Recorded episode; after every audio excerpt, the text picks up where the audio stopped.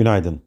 Çin'de mortgage faizleri için gösterge niteliğinde olan 5 yıllık kredi ana faiz oranı 15 bas puan düşüşle %4.45 seviyesine indirilirken 1 yıllık kredi ana faiz oranı ise %3.70 seviyesinde sabit tutuldu.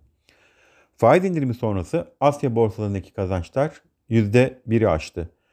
Amerika'da geçen hafta işsizlik maaşı başvuruları 218 bine yükseldi. Bu rakam Ocak ayından bu yana en yüksek seviyeye işaret ediyor. Yurt içinde bugün tüketici güven endeksi ve merkezi borç stoku verileri açıklanacak.